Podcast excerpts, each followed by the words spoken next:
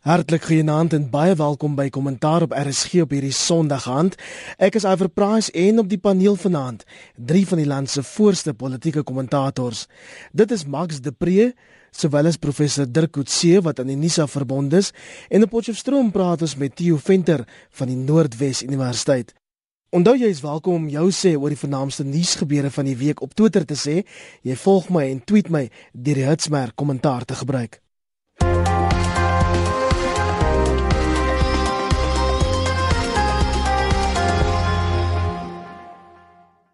Meneer Hoofnuus vanaand is steeds die regering se beweerde weiering om gehoor te gee aan 'n internasionale lasbrief vir die inhegtenisneming van Omar al-Bashir van Sudan.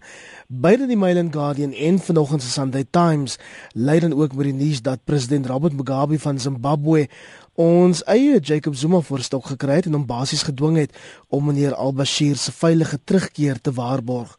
Max, ek wonder hoe president Zuma hierdie betalje verby ons eie Hooggeregshof sal kry? Ja, dit is die groot vraag. Ek dink Suid-Afrikaners het 'n bietjie vasgeval by die plusse en negatiewe van die internasionale strafhof. Wat gaan in Amerika en Israel aan en wat gaan in Sudan aan? En eintlik is die enigste kwessie vir ons ons regering het nie net vir hof gelieg nie, hulle het 'n baie baie duidelike klinkklare hofbevel geïgnoreer. Dit is mos 'n krisis. Wat gaan hulle volgende doen? Gaan hulle 'n verkiesingsuitslag ignoreer? Gaan hulle dit ignoreer as die hof binnekort sê president Zuma moet weer aangekla word. Dit is 'n regtige groot krisis. Ons moet diep bekommerd wees oor 'n verkose regering wat bereid is om 'n middelvinger vir die grondwet te gee. En hoe hulle hier verby gaan kom, weet ek nie. Ek dink meeste Suid-Afrikaners vermoed maar ons gaan weer 'n Kandla en weer 'n Gupta metode kry van maak net die hele saak weer mekaar blameer iemand by Waterkloof stel dit uit, sleep dit deur die howe vir weke kommissies van ondersoek. Uiteindelik kry iemand wat die blame moet vat, straf die ou en dan gee hom 'n goue handdruk of maak hom ambassadeur. Ek dink ons gaan maar weer een van hierdie strategieë sien, want die werklikheid is president Zuma as die hoof van die uitvoeringsgesag moet voor die hof gedag word vir minagting van die hof. Dis eintlik nogal belaglik want ons praat hier van 'n man wie se naam nie eers op 'n ordentlike vluglys was nie. Die ANC se nasionale uitvoerende komitee dan ook oor die naweek die regering gevra om te help om die geloofwaardigheid van die internasionale strafhof te herstel. Dirk, wat maak jy daarvan? Ja, dit klink net teenstrydigheid want die eerste ANC verklaring was baie krities teenoor die hof gewees en het selfs gesê dat daar moet 'n proses begin word om die hof te herstruktureer of te hervorm.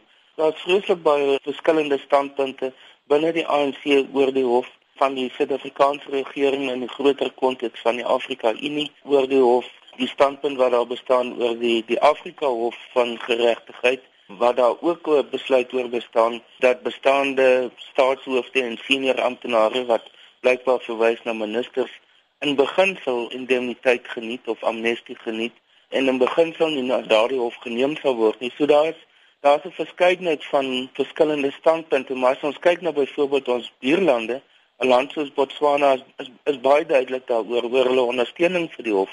'n Ander land soos Senegal is net so sterk ondersteuner daarvan. So ek dink dis 'n wanbeeld wat geskep word deur te sê dat Afrika in die algemeen is krities en gekant teen die internasionale strafhof en daarom word regverdig dit in 'n groot mate die Suid-Afrikaanse standpunt die Suid-Afrikaanse standpunt dink ek probeer om 'n diplomatieke balans te skep tussen dit wat ons regsposisie is en dit is dat ons 'n lid van die hof is en dit instruksies soos die arrestasie van Al-Bashir moet uitvoer teenoor die die oorweging dat Suid-Afrika deel van die Afrika gemeenskap en dan die meeste in die Afrika gemeenskap voel dat die hof net op Afrika konsentreer en nie op ander lande nie wat natuurlik ook nie reg is nie. So ek, ek dink dit is die beeld wat die Suid-Afrikaanse regering op die oomblik probeer skep en wat moet in hierdie geval heeltemal ontplof het. Iets anders wat bykom dink ek verwys na die kwaliteit van regsadvies wat die regering kry. Want uh, wat ek gehoor het is is dat daar binne die Suid-Afrikaanse regering was daar meningsverskil gewees tussen Dirke aan die een kant wat blykbaar die advies gekry het dat hulle um, hom moet arresteer teenoor die departement van justisie wat gesê die diplomatieke immuniteit is sterker as die arrestasiebevel. So daar is ook verskillende van mening wat hierdie hele optrede dink ek in 'n sekere sin benadeel het. En dan blykbaar was die Afrika Unie, die kommissie was ook betrokke geweest. Dit lyk asof hulle ten gunste was om op te konsentreer op die immuniteit en en nie die arrestasie nie. So dit alles het uiteindelik die, die situasie hoogs gekompliseer. Kom ons herinner net weer kommentaar luisteraars oor presies waarvoor meneer Al-Bashir gesoek word. Hy word gesoek op 5 aanklagte van misdade teen die mensdom, 2 aanklagte van oorlogsmisdade, 3 van volksmoord en dit spruit alles uit die dood van omtrent 300 000 Sudanese en die skending van menseregte van duisende ander. Tio 'n dringende debat oor hierdie hele debakel word nou Dinsdag in die parlement gehou, maar mense is ook omtrent nie meer seker of ons nou werklik by daai debat sal kan uitkom nie. Nee, hè, en ek dink my twee kollegas het die belangrikste sake aangeroer. Ek wil miskien ook net wys op 'n uh, stukkie wat in vandag se rapport uh, geskryf is deur Johan Kreer van die Ewie de Klerk Stichting waarin hy die ander dimensie ook uitwys wat waarskynlik in die parlement ter sprake sal kom in die vrae en antwoord sessie. En dit is dat nie alleen oorskat Suid-Afrika sy rol in die internasionale gemeenskap en oorskat ons ons invloed in in wat ons kan besluit nie met 'n soort van 'n verwaande stelling dat ons die internasionale geregshof moet hervorm um, wat maar 'n 'n sitweek is van die internasionale politiek maar ons oortree ons eie wette. Jy sien ons het 'n lat vir ons eie agterend gepluk toe ons die internasionale ooreenkomste ook vervat het in ons plaaslike wetgewing wat beteken dat een van die grootste sondes wat ons begaan het in die laaste week met Al-Bashir was dat ons ons eie wette nie kon implementeer nie. En dit is waarskynlik die die grootste gedeelte van die debat wat ons sal sien, maar ek stem met Max volledig saam. Ehm um, hulle gaan 'n Gupta trek op hierdie ding en dit kom eenvoudig daarop neer dat een of ander amptenaar eers in sinema die senior hoër vlakke ehm um, die die verantwoordelikheid sal neem en uh, eers moet daar seker oop pos wees in 'n ambassade erns. Want dit is hoe hoe hierdie goed loop en ehm um, daar gaan daar gaan regtig nie veel kom nie. Dit wys weer eens dat ehm um, twee goed vir my uit die LBC self. Die oneffektiwiteit van die oppositiepartye in terme van hulle vermoë om werklik die regering te dwing om 'n ander standpunt in te neem vanweë die grootte van die ANC in die parlement. En die tweede ding wat dit vir my wys is die is die aktiwiteit en die noodsaaklikheid van die burgerlike samelewing en en nie regeringsorganisasies om sekere sake aan die groot klok te hang en die waagmoed van ons ehm um, geregtelike gesag om nog steeds hierdie soort uitsprake te maak. So as mense na al hierdie goeters kyk, dan uh, dan besef mense die regering is uit die moeilikheid moet heen.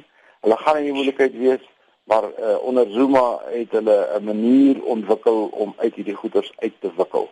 Hy wil kan ek twee ander puntjies maak asseblief. Gaan gerus voort. Die een is die verskriklike ironie dat dit Robert Mugabe van Zimbabwe is wat ons in hierdie hoek gedryf het. Dit het al van tevore duidelik ook geword dat hy is die man en hy het ook agterna toe hy by die huis kom van die beraad af daaroor gepraat. So dit was duidelik dat hy ingekom en geboelie het. Nou Zimbabwe het die ekonomiese mag van min of meer Potchefstroom. En dankie Max. Dis net nie so koud in Zimbabwe soos ja. in Potchefstroom. En president Mugabe is homself 'n man wat voor hof moet gedag word. 'n Hele paar voorvalle beginnend by die Matabele landslagting in die 80s. En dat so 'n man nou na Suid-Afrika toe kom, die sterkste land in elke opsig in die, op die vasteland. En ons moet kom boelie dit is daar 'n bietjie van 'n skande. Kan ons nie opstaan teen hom nie, maar dit wys nou net weer die die leierskap van president Zuma waar hierdie Afrika eenheid, hierdie Afrika ding, wat 'n gewaande ding is, is nie 'n werklike ding nie. Men Afrika trots kan sekerlik nie belangriker wees as Afrika lewens nie.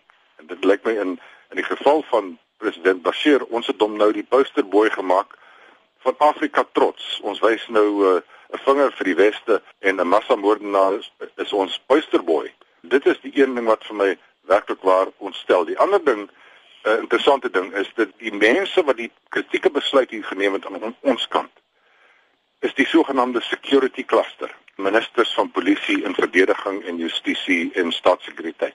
Nou die security cluster waarvan ons hoor elke so nou en dan, hulle is die ouens wat die selfoon sien gaan, wat dit in die in parlement Hulle is die ouens wat besluit het die gewapende polisie moet in die parlement ingaan.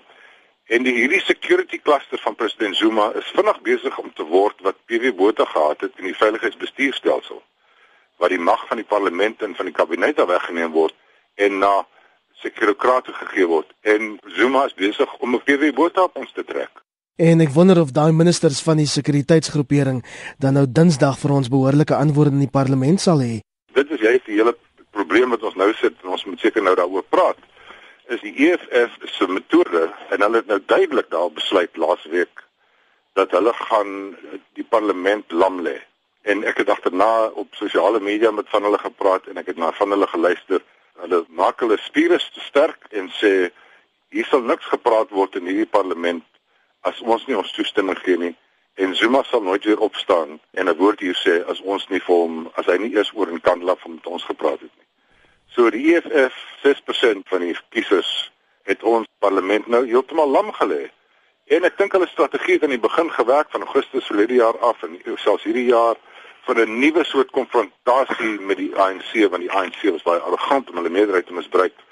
En ek dink meeste van ons wat selfs nie hou van die EFF nie het gesê, "Wel dit is 'n goeie strategie. Dit het ook die deur oopgemaak vir Musi Maimane en die DA om 'n ander soort oppositie te bied."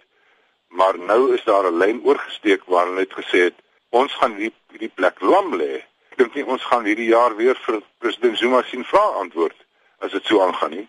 En daar's vrae wat hy moet antwoord.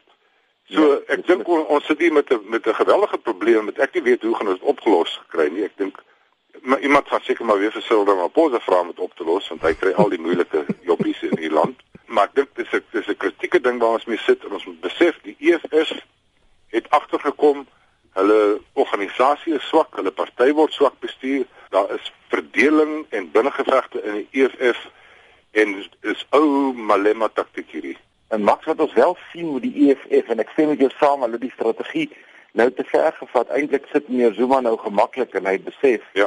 hy gaan hy gaan baie moeilik aan die man gebring word deur enige iets sodat hulle nou maar 'n ding doen, maar daar's twee goed wat hier belangrik is. Dit lyk asof die asof die EFF al hoe sterker raak in terme van parlementêre prosesse en prosedures. Hulle het 'n bietjie hulle het 'n bietjie opleeswerk gaan doen oor hoe funksioneer die komitees en hoe funksioneer die debatte en die vergaderings. En dis duidelik dat die kwaliteit van ANC LPs in die in die parlement van 'n baie lae gehalte is. Ek dit is my dis vir my sleg om dit te sê, maar dit is daar's niemand in die banke aan die ANC se kant wat met gesaghebendheid enige iets meer kan sê nie en selfs Stone Suzani het soos 'n stoute gratientjie gelyk terwyl die EFF met hom besig was. Een van die opvallende punte gewees uh, van nou die dag se debat in die parlement of die die groot geraas wat daar plaasgevind het is hoe min ANC persone president Zuma ondersteun het. Dit was uiteindelik net Lindiwe Zulu en toe uh, Naledi Pandor probeer het toe die EFF dit verhoed en natuurlik weer die speaker kon hierdie situasie nie hanteer nie. So dit dit lyk vir my asof die parlement besig is om 'n dooie punt te ontwikkel. Die strategie om sekere sake nou na die na die hoofsweepe te verwys het, het tot 'n mate dink ek die moontlikheid om van die sake te ontlont.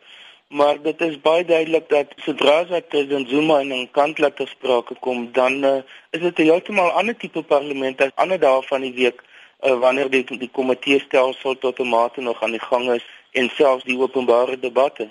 Dit was tydens die begroting was daar sekere opvlammings gewees, uh, maar dit is natuurlik nodig. Ek meen dit is die rol wat 'n openbare debat in die parlement veronderstel is om te wees. Maar ek dink die groot vraag is dan vorentoe en wat met president Zuma wanneer die die parlement gaan gebeur want uh, dit het 'n absolute dooie punt of 'n krisis geword. En ek dink selfs as Cyril Ramaphosa kom en sy vorige komitee laat probeer herleef gaan dit nog steeds nie die enkele probleem van president Zuma ontlont of 'n kompromie daar rondom ontwikkel nie want die dit dit vat ons terug na die ad hoc komitee en ek dink wat ons die afgelope week gesien het is dat die oppositiepartye want dit was nie net die EFF nie ek meen die DA het redelik goed aan die proses ook deelgeneem. Gesê die ad hoc komitee gaan 'n herhaling wees van die eerste een. So ons gaan basies sien dat die minister van polisie se verslag gaan omarm word, gaan ondersteun word. So ons bring dit terug na die, die openbare domein van die die openbare debat in die parlement. En ek dink dit is die die die groot uh, probleem en iets wat gesuggereer word, ek weet nie tot watter mate dit uh, uitgevoer gaan word nie, is nou om die EFF in 'n dissiplinêre proses in te neem in die in die komitee oor uh, immuniteite en, en voorregte. Nou as dit die geval is, ek dink ek is ons terug na na Augustus toe want dit gaan beteken dat wel eerstens kan ek nou onthou dat die dat die spreker enige van die EFF lede gevra het om die vergadering te verlaat nie om die saal te verlaat nie wat beteken dat sy het geen gronde om dit te verwys na die komitee toe nie. En tweedens gaan dit beteken dat dit die EFF in sy totaliteit gaan wees wat aangekla gaan word teenoor die ANC in die komitee wat beteken dat dit 'n uh, nie gaan oor dissiplinêre prosesse nie, maar dat dit eintlik gaan oor 'n magstryd tussen die twee partye wat die dat die hele eh, komitee lam lê of eintlik sy werklike bedoeling heeltemal negeer. Um, en ek dink dis een van die groot krisisse wat na my mening eh, daarop neerkom dat die die funksionering van die parlement sal heroor moet weeg moet word, die interne funksionering daarvan in die verhouding tussen die regering en die oppositie en natuurlik die rol wat die president moet speel. Ons het 'n klankgreep van hoe die EFF-leier Julius Malema hierdie week in die parlement sy speelgoed uitgegooi het. Kom ons luister gou daarna. You are not special. What do you, you mean you are, not special? special? You, you are not recognized a you member are not here. to command no. nobody here. The members stood up Order, first honorable on the member. Honorable Malema, honorable you members. You can tell me to sit down. I tell you. You can tell me to sit I down. I tell you to sit down. I will never sit down. I don't take instructions from you. Max, hoe hanteer ons voortaan ontwrigtings in die parlement? Dis duidelik dat ons nou na daai Hooggeregshof uitspraak in die Kaap 'n probleem het. Ja, dis 'n goeie vraag. Ek dink die ANC se eerste instink is kom ons laat hierdie ouens uitgooi. Hulle wil al klaar die reëls verander sodat hulle die rooi oorpak nie meer mag dra nie. En die ANC is baie geïrriteerd deur hierdie klein partytjie wat wat hulle so deurmekaar krap. Daar gaan dalk 'n poging wees om hulle uitgegooi te kry. En dit gaan baie sleg wees want die politieke temperatuur in ons land is hoog, maar die een ding wat in ons gunst stel in terme van stabiliteit is almal in die land is verteenwoordig in die parlement, van ver links tot regs. En as ons hierdie element uitgooi, die EFF mense, dan sit ons met mense wat weer buite parlementêr moet gaan optree. So dalk is hier 'n klein joppie vir Musi Maimane wat sy statuur het 'n bietjie gegroei sedert die begin van die jaar en sedert hy verkies is as die alleier Miskien moet hy 'n bietjie tussen Malema en Cyril Ramaphosa of Stone Suzani gaan onderhandel. Want ons moet 'n oplossing kry hiervoor eerder as om die EFF te verwyder. In die omtrent 110 jaar wat die parlement bestaan in die Kaap in dieselfde gebou en onder verskillende tydperke en wat ook al, is hierdie waarskynlik loshande een van die grootste uitdagings vir die funksionering van die parlement. En ek dink dit is waarom almal sit en wonder hoe moet ons hierdie probleem oplos? Want die meganismes in die parlement en die strukture in die parlement is nie ontwerp om een party te hanteer wat duidelik ehm um, die die spel anders wil speel nie. As dit mes dit eenvoudig wil stel uh, as jy skaats speel en skielik begin jy die die die die biskoppe op verskillende maniere skuif of jy begin die koning meer as twee blokkies of drie blokkies op beslag skuif dan dan het jy die ander kant eintlik in die moeilikheid want jy het die spelreëls nou gaan verander. En ek dink Max is reg hierdie hierdie is nie 'n maklike oplossing nie.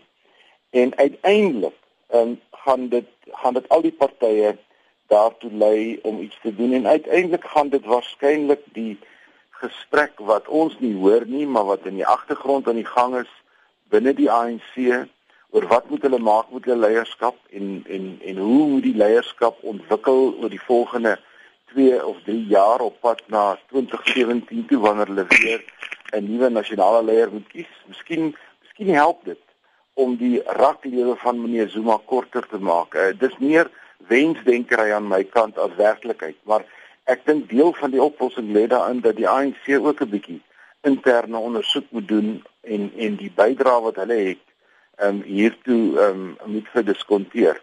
Um ek weet daar is sulke gesprekke aan die gang maar dit is baie moeilik en die uitkoms daarvan is onvoorspelbaar. Ons beweeg nou na buitelandse nuus en lede van die Emmanuel African Methodist Episcopal Kerk in Charleston, South Carolina, het vanoggend vir die eerste keer na daai skietvoorval vroeër hierdie week weer 'n massiewe erediens gehou. Daar was dan natuurlik ook 'n roudiens vroeër vanaand van die AME Kerk in Athlone buite Kaapstad. Die 21-jarige Amerikaner Dylan Roof amptelik aangekla, sal teregstaan op 9 aanklagte van moord na die aanval op hierdie kerk.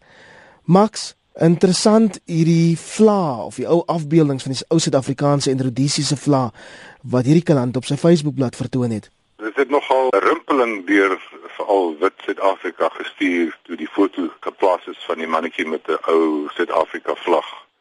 En die regses het baie gou-gou opgespring gesê dit is gefotoshop. Maar gister is die mannetjie se eie webwerf, sy manifest op sy webwerf gepubliseer en daar staan hy met 'n foto van homself met die Suid-Afrikaanse ou vlag en die Zimbabwe se vlag. So dit was nie gefotoshop nie. En alhoewel hoop nie mense gaan my kwaliek neem nie, maar dadelik toe ek die nuus hoor, die eerste ding wat in my kop ingegaan het, was Barend strydom in November 1988 wat agt mense op 'n soort gelyke mense gaan doodskiet het op op uh, strydomplein in in Pretoria. En Barend strydom was toe 23, hierdie ouetjie is 21. Dit is presies dieselfde ding, nakte haat, uh, rassehaat die skandvlek op al ons Suid-Afrikaners se name is. Dat Barend Strydom is vrygelaat. Barend Strydom is kwytgeskeld. Hy het amnestie gekry vir die koelbloedige moord op 8 onskuldige mense nadat hy aanvanklik ter dood veroordeel is. Ek dink dis 'n klad wat aan Ewie de Klerk se naam gaan kleef tot die dag in my boek ten minste. Tot die dag wat hy gaan doodgaan. Ons sit met 'n soortgelyke situasie hier en ons hanteer dit geweldig anders. Maar nou ja, eh, terug na Amerika, hierdie ding is veel dieper as een malletjie. Daar's nou 'n debat in Amerika, is dit terrorisme of is dit nie terrorisme nie? Ek dink die swart mense daar voel dat as dit 'n moslim was, dan almal dit terrorisme genoem. En omdat dit 'n wit ouetjie is, noem hulle dit 'n geestelik versteurde. Ek dink daar's meriete in die argument. Dit is 'n vorm van binnelandse terrorisme. En ek kry vir uh, Barack Obama, president Obama baie jammer. Want hier is 'n land wat nou na al die eeue 'n swak president gekies het. Maar hierdie rasprobleem en rassegeweldprobleem lyk vir my het erger geword terwyl hy president geword het. Iemand het gesê terwyl hy toe hy nou toe die ding nou bekend geraak het en president Obama 'n perskonferensie daaroor moes hou dat dit die 14de keer was wat hy byvoorbeeld moes openbare optrede hê oor massaskietery. Ons het ook 'n reële reeks voorvalle gehad van polisie brutaliteit teenoor jong swart mense. So Amerika is in 'n krisis met hulle rasprobleem en met hulle probleem met wapens wat so maklik beskikbaar is. En ons moet ook maar mooi na hierdie ding kyk. Daar's nie regstreekse parallelle tussen ons probleme in terme van ras en etnisiteit in Amerika se nie. Maar ons kan met gerus bietjie kyk na die debatte wat onder veral wit Amerikaners gevoer word. 'n Groot debat ook onder swart Amerikaners wat president Obama verkwalik omdat hy in daai einste toespraak nie die ding op die naam genoem het nie gesê het dis 'n terreurdaad nie, maar eerder gegryp het na die debatte rondom wapenbeheer in daai land. Dirk, jou reaksie daarop? Obama is in 'n baie moeilike situasie want uh, omdat hy geassosieer word as self swart, ehm um, enige uitspraak wat hy gemaak gaan deur die meer radikale konservatiewe witkant in Amerika binne baie sterker in drasse terme gestel word. So sy situasie is self problematies. Ons te regting kan die tyd toe hy gekies is as eerste gekies keer gekies is as president is hy nie ondersteun deur die Black Caucus in die in die senaat nie. Ehm um, so sy as ons praat oor hierdie tipe van politiek is sy eie posisie dink ek hoogs nog meer gekompliseer as as van die ander persone. Ek dink een van die groot dinge wat mense hier weer begin ervaar of beleef is dat dit jou onmiddellik terugneem na die 1960s in Amerika. Um, en ook na die die 50-jarige herdenkings wat nou plaasvind rondom daardie gebeure. Um, maar dat die die leiersfigure van die die swart die African Americans op die oomblik mense soos Jesse Jackson het heeltemal uit die openbare oog ver, verdwyn. En wat daarop dui dat daar 'n herposisionering of 'n herdefinering besig is om plaas te vind, maar veral die polisie optrede die afgelope so sê jaar of meer um, het die situasie gepolariseer. Elke keer wanneer daar 'n insident is, dan val dit hulle terug eintlik weer na die 1960s toe. En waarop dit in 'n groot mate neerkom is dat hoewel hulle in terme van die formele reg, um, byvoorbeeld van stemreg, um, daar gelykheid bestaan, is die sosiale omstandighede is baie duidelik hoogs problematies. Byvoorbeeld as mens dink aan die Baltimore insident, um, het hulle onmiddellik begin kyk na wat is die sosio-ekonomiese omstandighede in die in die sentrum van Baltimore. Um, en dit is duidelik dat daar 'n groot verskil in sosio-ekonomiese omstandighede tussen die sogenaamde wit gedeelte en die swart gedeelte van daardie stad is. Um, en ek dink dis die die die die groot kopseer vir die Amerikaners is dat dit gaan nie net meer oor 'n menseregte dimensie van um, of formele menseregte nie, maar dit gaan oor die sosio-ekonomiese aspekte wat in 'n groot mate reflekteer wat ons probleme ook hier in Suid-Afrika is. En hoe om dit reg te stel? Ek dink nie daar is op hierdie stadium 'n werklike 'n um, regeringsbenadering of 'n beleid wat spesifiek daarop ingestel is nie. Die die Amerikaanse samelewing word natuurlik nou meer geproblematiseer deur die deur die invloed van Hispanics van veral van die suide af. Ehm um, wat beteken dat die, die fokus op die op die swart issues uh, nou verwater word in 'n groot mate um, en dat die die aspekte oor immigrasie begin baie meer aandag kry. So dit is natuurlik slegte nuus vir die swart Amerikaners in die algemeen omdat die fokus begin weg weggetrek word van hulle af.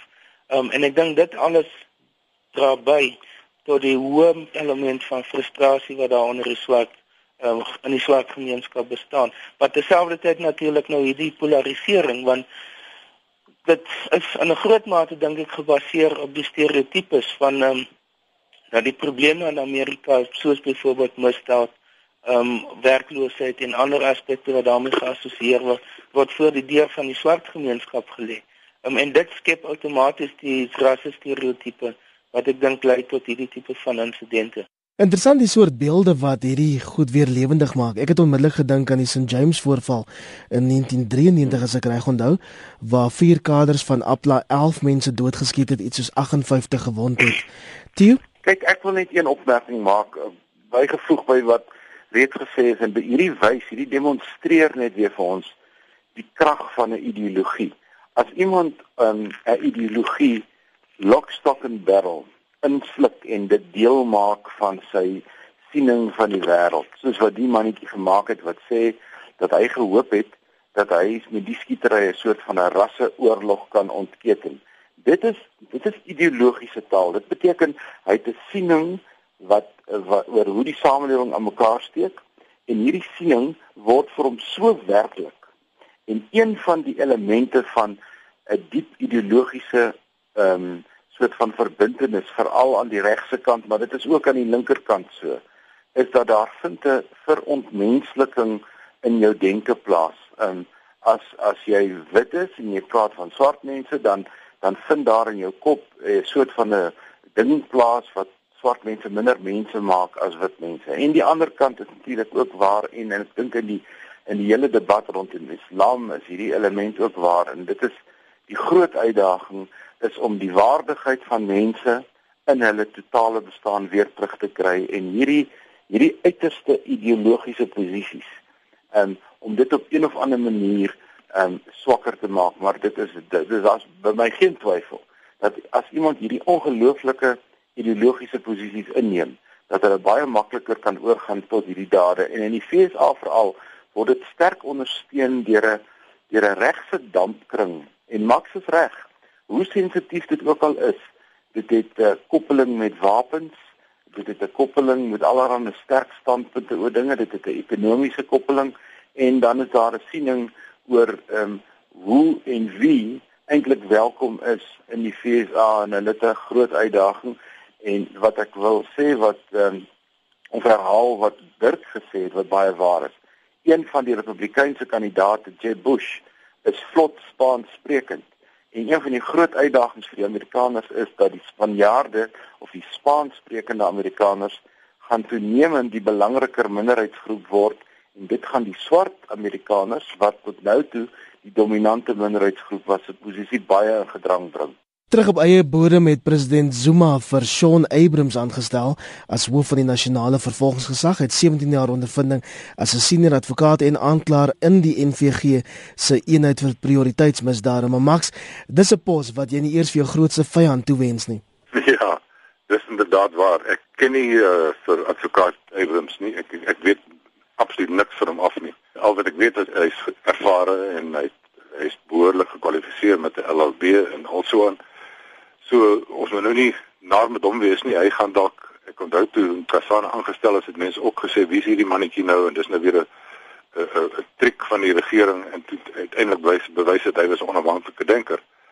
Maar ons moet 'n bietjie suspicieus wees. Ons moet 'n bietjie wonder oor hoekom dit so vinnig gebeur het want die vorige keer het die, die regering 'n jaar en 'n half gevat om iemand aangestel te kry en hier is hy sommer 'n paar weke na die tyd aangestel. Nadat die vorige man uh, 17,3 miljoen rand gegee is om te loop sonder dat hy skuldig bevind is op enigiets of sonder dat hy selfs dissiplinêr behoorlik verhoor is. So ek wonder of die regering dink Son Abrams gaan eh, 'n uh, makliker man wees om druk op toe te pas. Maar iewers ek dink ons moet vir mekaar sê die nasionale vervolgingsgesag is in 'n geweldige krisis. Ek sien vanmôre weer 'n berig van uh, staatsaanklaers wat kla dat die polisie doodgewoon nie meer met hulle wil saamwerk nie. Wanneer dit kom by uh, by groot politieke sake soos generaal Mdluli se aanklagte aanklagte en advokate Jiba en Mrwebi van die van die vervolgingsgesag. Almal al drie van hierdie mense sleutel mense uh, in in president Zuma se pogings om by die hof uit te bly. Ehm um, die die die Zuma ANC, die Zuma binnekring het duidelik besluit uh die nasionale vervolgingsgesag is die een plek wat beheer moet word want daar kan jy by president Zuma se politieke toekoms uh verseker. En of uh, Son Abrams hierteen gaan opstaan, uh die weet ons nie. Uh maar dit is 'n ernstige ernstige krisis hoe ons uh, kriminele regstelsel gekompromiteer is deur die uit die uitvoerende gesag. As ons terugkyk na vanaf 1994 regtig, is hierdie pos was nog altyd hoogs kontensieus en oorgepolitiseer geweest terwyl volgens die konstitusionele bedeling is dit veronderstel om eintlik 'n onafhanklike pos te wees, maar daardie onafhanklikheid was nog nooit gevestig geweest nie. Ek dink uh, met hierdie nuwe aanstelling het 'n onmiddellike groot klomp kopseere wat vir hom wag. Die eerste is die vervolging van advokaat Jiba. Ehm um, en hy het blykbaar onder haar vir 'n redelike tyd gewerk. Die tweede is die DA saak oor die spionasiebande wat uh, in die pipeline is. Ehm um, en wat hoogs waarskynlik op 'n stadium en miskien nie te lank na uh, vorentoe nie na hulle gaan gaan terugkom. Ehm um, en dit gaan presies die punt wat wat Max nou oor gepraat het, gaan dit dan dit dit tot 'n spits dryf. Ehm um, so ek dink dit gaan besonder moeilik wees vir vir advokaat uh, Abrams om om homself te kan vestig en daardie onafhanklikheid te kan ontwikkel wat eintlik sy verantwoordelikheid is. Ehm um, en dan die die die die samewerking met die ander uh groeperings binne die die sekuriteits uh, groep, uh groep uh, die polisie natuurlik in die eerste instansie justisie en en ander ehm um, en dit dit gaan afhang van tot watter mate die uh, vervolgingsgesag in die algemeen um, sy sy geloofwaardigheid gaan herstel. Ons weet dat op 'n laer vlak aan die een kant is Gerinel, aan die ander kant is advokaat Downe wat ook verskillende standpunte oor byvoorbeeld die Zuma aanklagte proses of die en die terugtrekking daarvan gehad het. So en hulle is nog steeds daar. So dit beteken dat dat, dat dit in 'n groot mate 'n kookpot is uh, wat nou deur hom bestuur sal moet word en uh, hoe hy dit gaan doen dit dit dis omtrent onvoorspelbaar en uh, solank ek dink as die, die die groot wens van ons almal natuurlik is is dat daar op een of ander stadium 'n groter mate van stabiliteit tot stand gaan kom maar met hierdie sake wat uitstaande is uh, is dit omtrent ondenkbaar dat dit die geval sou wees so ek dink hy het 'n baie baie moeilike taak wat vir hom voorlê die volgende paar maande Ja, ek wens net die polisie en 'n paar ander instellings wil ook 'n blaadjie hieruit neem en professionele loopbaangerigte mense kies as die hoofde van departemente. Kom ons gee advokaat Abrams uh, so 'n bietjie ruimte dat ons kyk of hy sy ding kan doen. Kollegas, ons het nog so 'n oomblik of wat oor en ons moet praat oor hierdie naweek se drama met Eskom. Gisteraand het Eskom skielik opbeweeg na fase 3 beerkrag, 'n uur later gesê nee wag, dis hom nou te veel. Ons um, skuif terug na fase 2 en hulle vra ook vir 'n 25% elektrisiteitstariefverhoging. Max kortliks? Ja, geweldige krisis wat verswak bestuur word. Ons onthou dit 'n paar weke gelede het Eskom gesê hulle gaan hierdie winter glad nie beerkrag toepas nie skielik trek ons sommer op op fase 3 op 'n Saterdagmiddag. Uh, ek het nie 'n antwoord nie. Ek is bly ek is nie Lynn Brown nie, maar ons ek, ons ekonomie vat nou hier houe wat ons nie ons ekonomie nie kon bekostig nie. Die situasie is besig om eintlik buite beheer te raak. Um, en ek ek vermoed wat ons gaan sien vorentoe is, is dat mense gaan begin om hulle eie inisiatiewe te doen om op hulle eie manier sonkrag te kry wat hulle by hulle huise kan gebruik. Ehm um, opkragopwekkers, dis natuurlik kos alles baie duurder, maar die geloofwaardigheid van Eskom in hierdie hele situasie is besig om na nul toe te beweeg.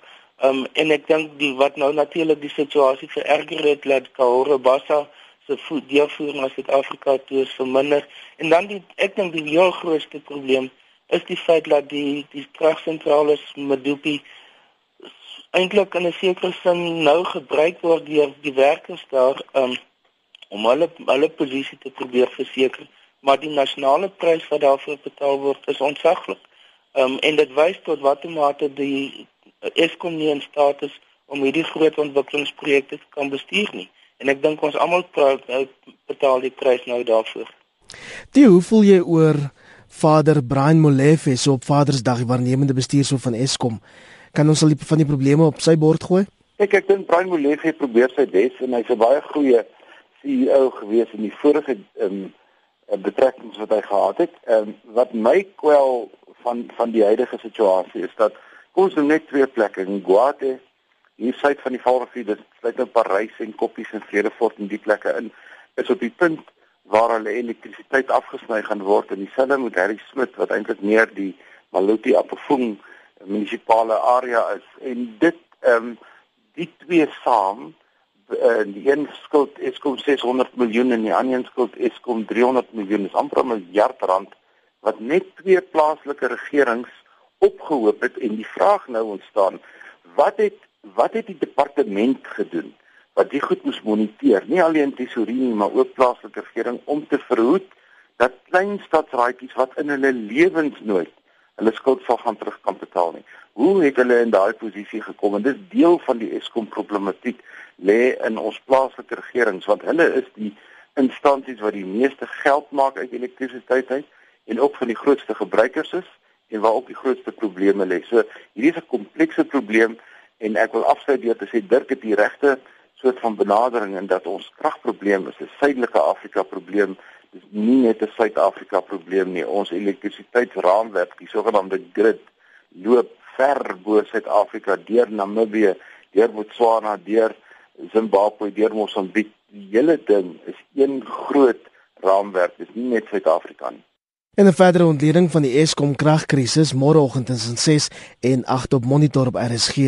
Baie dankie die paneel was die politieke ontleeders Max de Pre en Nancy Max. Dankie, goeienaand. Dirk Coetzee. Goeienaand Iris. En dan ook op Potchefstroom gepraat met Theo Venter. Goeienaand en ek hoop almal het 'n goeie Vadersdag gehad op hierdie Sondag wat nou verby is.